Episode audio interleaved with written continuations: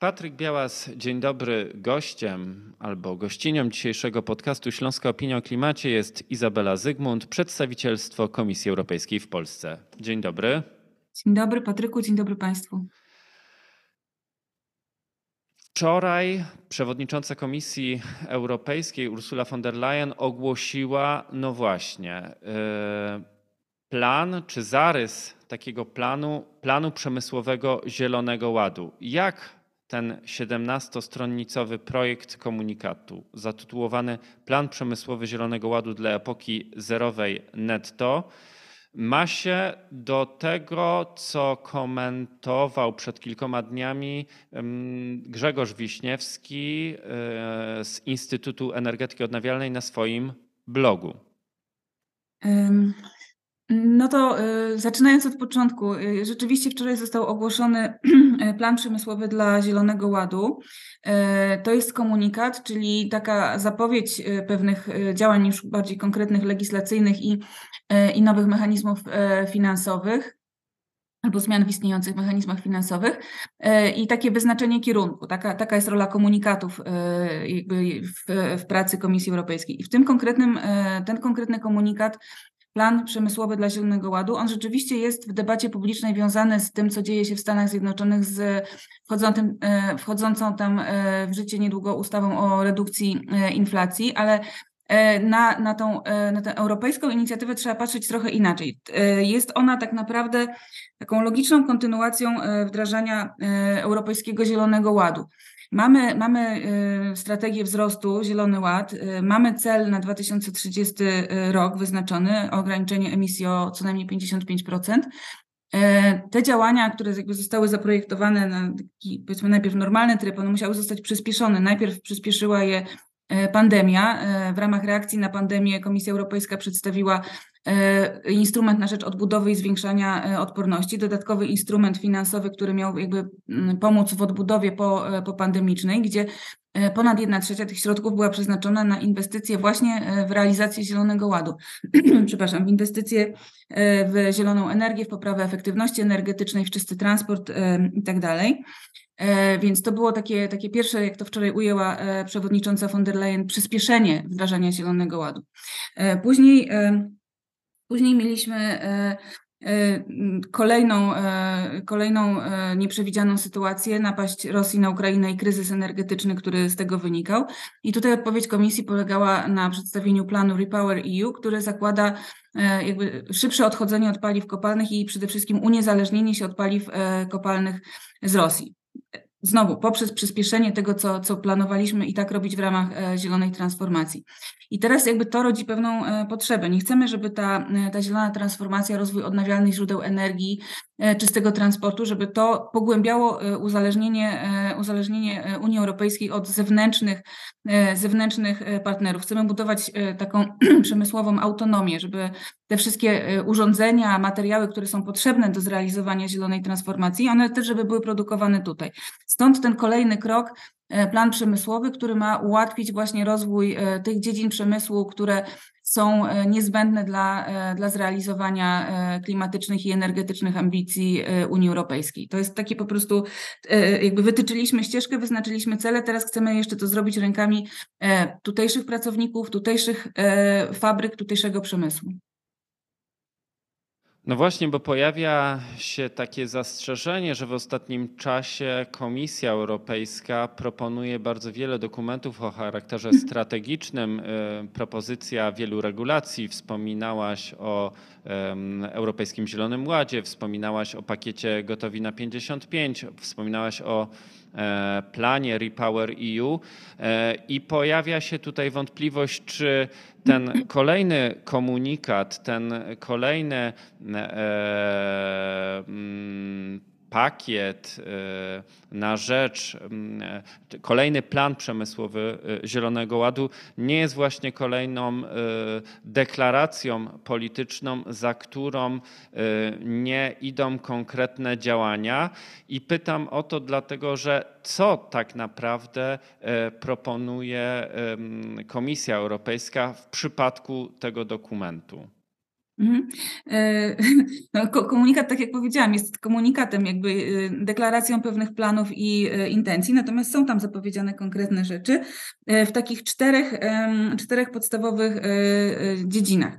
Chodzi przede wszystkim o dostęp do funduszy, o stworzenie odpowiedniego otoczenia regulacyjnego dla rozwoju, dla szybkiego rozwoju zielonego przemysłu, Chodzi o zapewnienie e, jakby obecności na rynku pracy e, pracowników z odpowiednimi umiejętnościami i kwalifikacjami i też stworzenie takiego e, korzystnego otoczenia międzynarodowego. Właśnie tutaj jakby to można nawiązać do tego, co się dzieje w Stanach Zjednoczonych, ale też w wielu innych państwach, bo jakby znaleźliśmy się w tej chwili w takiej sytuacji, że jakby Unia Europejska już nie, jakby nie jest jedynym państwem, które intensywnie inwestuje w rozwój e, czy w transformację energetyczną. No i jakby e, tutaj musimy nadążać za, za innymi po to, żeby ten europejski przemysł e, jakby utrzymywał czy, czy miał nadal pozycję, pozycję lidera.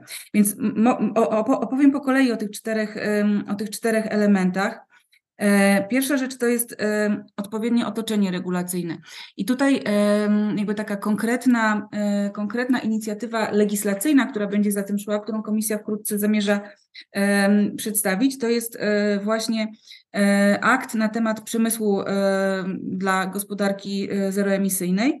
I będzie to jakby legislacja, która E, sprawi, że e, jakby e, rozwój projektów przemysłowych, budowanie fabryk, rozwijanie nowych technologii, wdrażanie tych technologii będzie mogło przebiegać szybciej, sprawniej i według takich uwspólnionych europejskich standardów, po to, żeby tego rodzaju jakby przedsięwzięcia przemysłowe mogły powstawać szybciej i, i łatwiej. Dzięki temu będziemy mieć ich więcej. Drugi, drugi element, drugi konkretny przepis legislacyjny, który Komisja tutaj zapowiada, to jest E, przepis na temat e, krytycznych, e, krytycznych surowców, między innymi właśnie metali ziem rzadkich albo innych jakby materiałów, które są niezbędne do, do przemysłu. Tutaj będzie chodziło o to, żeby ten europejski przemysł nie natrafiał na barierę w postaci niedostępności tych materiałów. To jakby będzie chodziło o to, żeby ułatwić ich pozyskiwanie, recyklowanie i efektywne, efektywne wykorzystanie.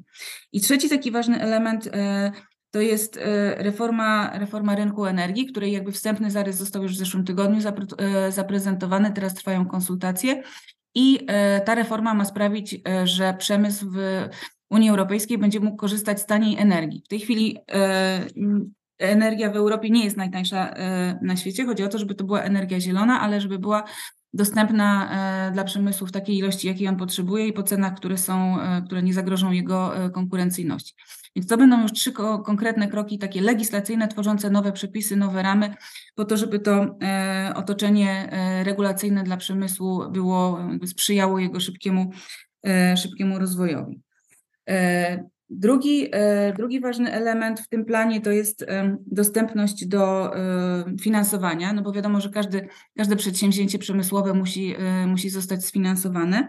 I tutaj Komisja e, Europejska proponuje takie tymczasowe uelastycznienie e, zasad e, udzielania pomocy państwa, to znaczy mówi, w jaki sposób państwa członkowskie mogą same własnymi środkami wspierać przemysł u siebie, w taki sposób, żeby z jednej strony osiągnąć cele tego, tego komunikatu, czyli przyspieszyć jego rozwój, a z drugiej strony, żeby nie zaburzyć wewnętrznej konkurencji E, w ramach Unii Europejskiej, żeby nie był to taki wyścig e, o to, kto, kto da więcej subsydiów swojemu, swojemu przemysłowi.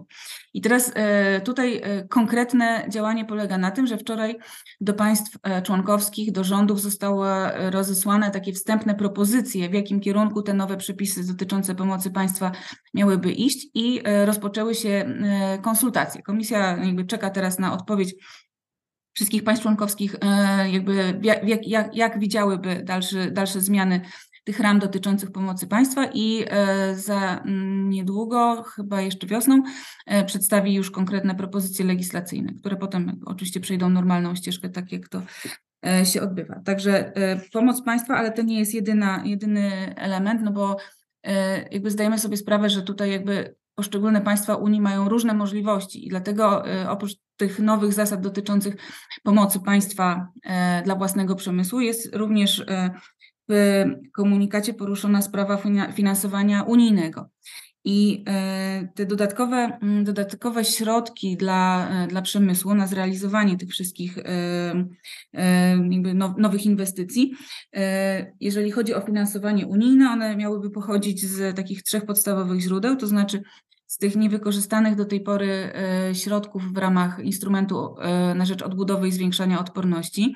Tam jest jeszcze 225 e, miliardów euro do wzięcia w formie pożyczek, plus w ramach planu Repower EU też Komisja jakby zapewni dodatkowe 20 miliardów finansowania grantowego, z czego Polska e, otrzyma e, całkiem sporo, bo prawie 3 miliardy euro dodatkowych, dodatkowych środków grantowych.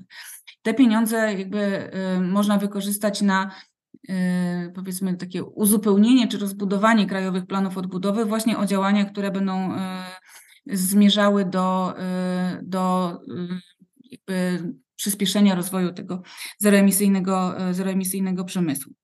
I Pozostałe dwa elementy to jest, to jest instrument Invest EU. Tutaj może kilka słów, to jest, to jest takie wsparcie inwestycyjne dla, dla przedsiębiorców, które polega na tym, że Europejski Bank Inwestycyjny udziela gwarancji. Jeżeli mamy jakieś przedsięwzięcie, które powiedzmy jest innowacyjne, jeszcze nie ma tutaj przetartych ścieżek, jest pewne ryzyko z nim związane, wtedy można obniżyć y, to ryzyko e, finansowe, biznesowe, właśnie e, prosząc Europejski Bank Inwestycyjny o gwarancję i, i wtedy ryzyko bierze na siebie e, Europejski Bank Inwestycyjny, co sprawia, że jakby przemysł nie dostaje jakby dodatkowych pieniędzy grantowych, ale może na dużo lepszych warunkach i z mniejszym, e, z mniejszym ryzykiem korzystać z, po prostu z pożyczek, ze środków zdobywanych na rynkach kapitałowych. E, no a trzeci element tego finansowania unijnego to jest e, fundusz innowacyjny na rozwój nowych technologii. Także to jest Tyle jeśli chodzi o ten drugi filar, dostęp do, e, do finansowania. Trzeci, przedostatni, to, jest, e, to są e, kwalifikacje pracowników i umiejętności. Mamy obecnie Europejski Rok Umiejętności i w związku z tym to będzie pewnie bardzo ważny element tego, co się będzie działo, ale tutaj mamy raczej do, do czynienia z takimi działaniami miękkimi, z taką współpracą pomiędzy Unią Europejską a państwami członkowskimi, której celem jest z jednej strony jakby zbadanie, zdiagnozowanie tych niedoborów kwalifikacji na rynku pracy, a z drugiej jakby podjęcie działań, które e, sprawią, że e, każdy przedsiębiorca pragnący właśnie e, jakby jakieś przedsięwzięcie zrealizować, będzie mógł liczyć na to, że pracownicy się znajdą, że, że ten brak rąk do pracy nie będzie przeszkodą. I wreszcie ostatni element to jest odpowiednie otoczenie, e, jeżeli chodzi o relacje Unii Europejskiej z partnerami zewnętrznymi. Tutaj e, jakby tym podstawowym narzędziem są umowy handlowe, które Unia Europejska zawiera z, z partnerami, no i jakby elementem tych relacji handlowych, które, które będą jakby zawierane czy modyfikowane w najbliższym czasie właśnie będzie też jakby taki, będą działania, które mają z jednej strony jakby zapewnić sprawiedliwe warunki dla, dla europejskiego przemysłu, po to, żeby, żeby europejski przemysł nie przegrywał z konkurencją e, poza unijną, a z drugiej strony e, jakby ta współpraca ma też jakby przysłużyć się do tego, żeby łańcuchy dostaw funkcjonowały stabilnie, pewnie, żeby e, surowce czy, e, czy jakieś podzespoły e, płynęły w tych kierunkach, w których muszą płynąć, żeby, żeby zielony przemysł się rozwijał, nie tylko w Unii Europejskiej, ale też jakby u naszych partnerów, bo, bo tutaj to nie jest jakiś rodzaj wojny handlowej, tylko raczej współpracy, której celem jest przyspieszenie transformacji energetycznej e, na całym świecie, no bo klimat mamy jeden.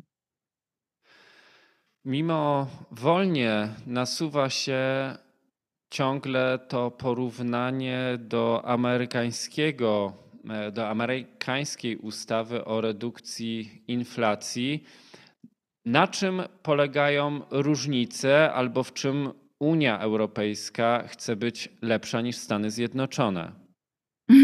Ja bym tak tego nie ujęła. E, e, jakby chcemy, żeby, żeby zielony przemysł, który umożliwi nam zrealizowanie celów klimatycznych, rozwijał się we wszystkich gospodarkach świata. Więc tutaj jakby E, wydaje mi się, że różnica e, co do celu, e, jakby wydaje mi się, że przede wszystkim żaden z tych instrumentów nie jest, nie jest jakimś takim konfrontacyjnym instrumentem, tylko służy po prostu jakby realizowaniu celów, na które się wspólnie umówiliśmy, na przykład w porozumieniu paryskim. Różnica jest raczej może taka techniczna. Wydaje mi się, że ten e, europejski plan, on jest, e, mm, tak jak tutaj jakby już się nagadałam o jego poszczególnych elementach, on jest wielowątkowy, jakby na, na, na kilku płaszczyznach stara się poprawić warunki dla, dla prowadzenia działalności przemysłowej w Unii Europejskiej. I może to jest takim wyróżnikiem, że tutaj staramy się takim duchu budowania współpracy z zewnętrznymi partnerami, poprawić również warunki e, dla przemysłu w samej Unii Europejskiej i e, ale nie w taki izolacjonistyczny czy protekcjonistyczny sposób, tylko w duchu współpracy. No i na zakończenie chciałem zapytać, w jaki sposób przedstawiony wczoraj plan przemysłowy Zielonego Ładu może wpłynąć na transformację energetyczną Polski i czy może to być pewien impuls rozwojowy w Polsce? No, myślę, że byłoby bardzo źle, gdyby to się nie stało impulsem rozwojowym dla zielonego, e, zielonego przemysłu e, w Polsce. Ten, e, ten plan zdaje, w mojej ocenie jakby odpowiada na, na takie wyzwania, z którymi Polska również się mierzy. Jakby uproszczenie przepisów, stworzenie stabilnego klimatu dla inwestycji w zielone technologie, czy e, jakby ułatwienie biznesowi dostępu do, do funduszy, czy wreszcie poprawa dostępności kwalifikacji na, na rynku pracy. To są wszystkie rzeczy, które tak jakby polska gospodarka jakby tak czy tak, z którymi musi się zmierzyć i dobrze by było skorzystać z tych możliwości, które ten plan daje w najbliższej E, najkrótszej perspektywie. E, mówię tutaj o e, jakby czekającej nas rewizji Krajowego Planu Odbudowy i dołożeniu do niego tego rozdziału dodatkowego dotyczącego planu Repower EU. Według takich zaleceń dla, dla państw członkowskich dotyczących modyfikacji krajowych planów odbudowy, które komisja również wczoraj opublikowała, jakby w, tym, w tej zmianie powinny się znaleźć komisja, znaczy oczywiście niczego nie narzuca, ale mocno zachęca do tego, żeby, żeby ta zmiana, e, ten dodatkowy rozdział, który zostanie dołożony do, do krajowych planów odbudowy, zawierał takie trzy elementy. Po pierwsze ułatwienia właśnie dla e, inwestorów, na przykład one-stop shops, czyli takie uproszczenia dotyczące rozpoczynania działalności, e, ulgi podatkowe i inwestycje w kwalifikacje pracowników. To są takie trzy elementy, na które powinno się zwrócić uwagę, zdaniem komisji, w rewizjach czy, czy w zmianach i rozszerzeniach krajowych planów odbudowy, i myślę, że e, uwzględnienie tam takich trzech elementów dla Polski byłoby również bardzo korzystne. Bardzo dziękuję za tę e, dzisiejszą rozmowę. Moim gościem, gościnią dzisiejszego podcastu Śląska Opinia o Klimacie była pani Izabela Zygmunt z przedstawicielstwa Komisji Europejskiej w Polsce. Dziękuję bardzo za rozmowę. Bardzo dziękuję.